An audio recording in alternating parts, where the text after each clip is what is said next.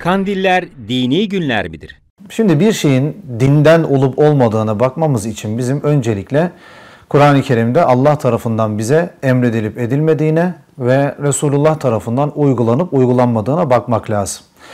Bu iki şey varsa yani Allah tarafından emredilmiş ve Resulü tarafından da uygulanmışsa dindendir. Allah'ın emretmediği ve Resulün uygulamadığı bir şey ise dinden değildir. Dolayısıyla buradan hareketle ülkemizde meşhur olan 5 kandil gecesinin yani sırasıyla sayacak olursak Rebiul Evvel ayının 12. gecesi Mevlid Kandili, Recep ayının ilk cuma gecesi Regaib Kandili, yine Recep ayının 27. gecesi Miraç Kandili, Şaban ayının 15. gecesi Berat Kandili ve Ramazan'ın 27. gecesi Kadir Gecesi'nin hangisinin dinden olup olmadığını anlamamız da kolay olur. Kur'an-ı Kerim'e baktığımızda Kadir Gecesi ile ilgili müstakil bir surenin bulunduğunu görüyoruz. 97. suresi Kur'an-ı Kerim'in Kadir suresidir ve burada Cenab-ı Hak Kadir Gecesi'nden bahsediyor.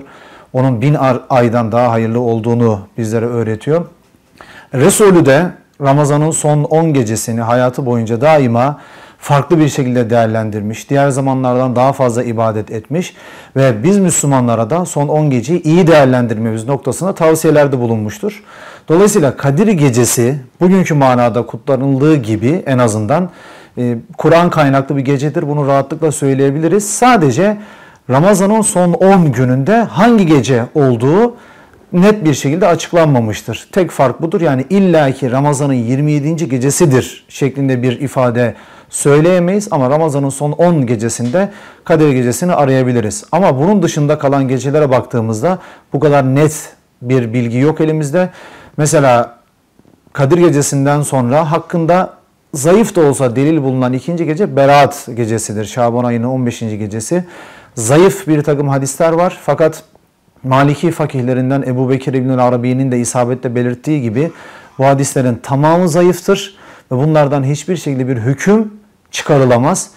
Zaten Resulullah'ın hayatında da bugünkü manada kutlanıldığı gibi bir Berat gecesi, Berat kandili kutlamasına rastlanılmamaktadır. Bunun dışında Mevlid kandiline geldiğimizde Mevlid kandili Resulullah'ın doğum günü vesilesiyle kutlanan bir kandildir. Fakat ne Resulullah'ın kendisi, ne hayattayken arkadaşları, ailesi ve ne de vefatından sonra arkadaşları böyle bir gece kutlamış değildir.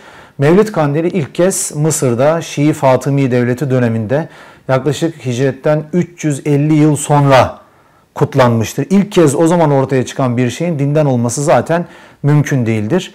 Regaib Kandili ile ilgili de aynı şey geçerlidir. Regaib Kandili'nin Resulullah tarafından kutlandığına dair hiçbir veri yoktur. Ashab-ı kiram da böyle bir geceyi kutlamamıştır. Daha sonra çok sonra ortaya çıkmış bir gecedir bu.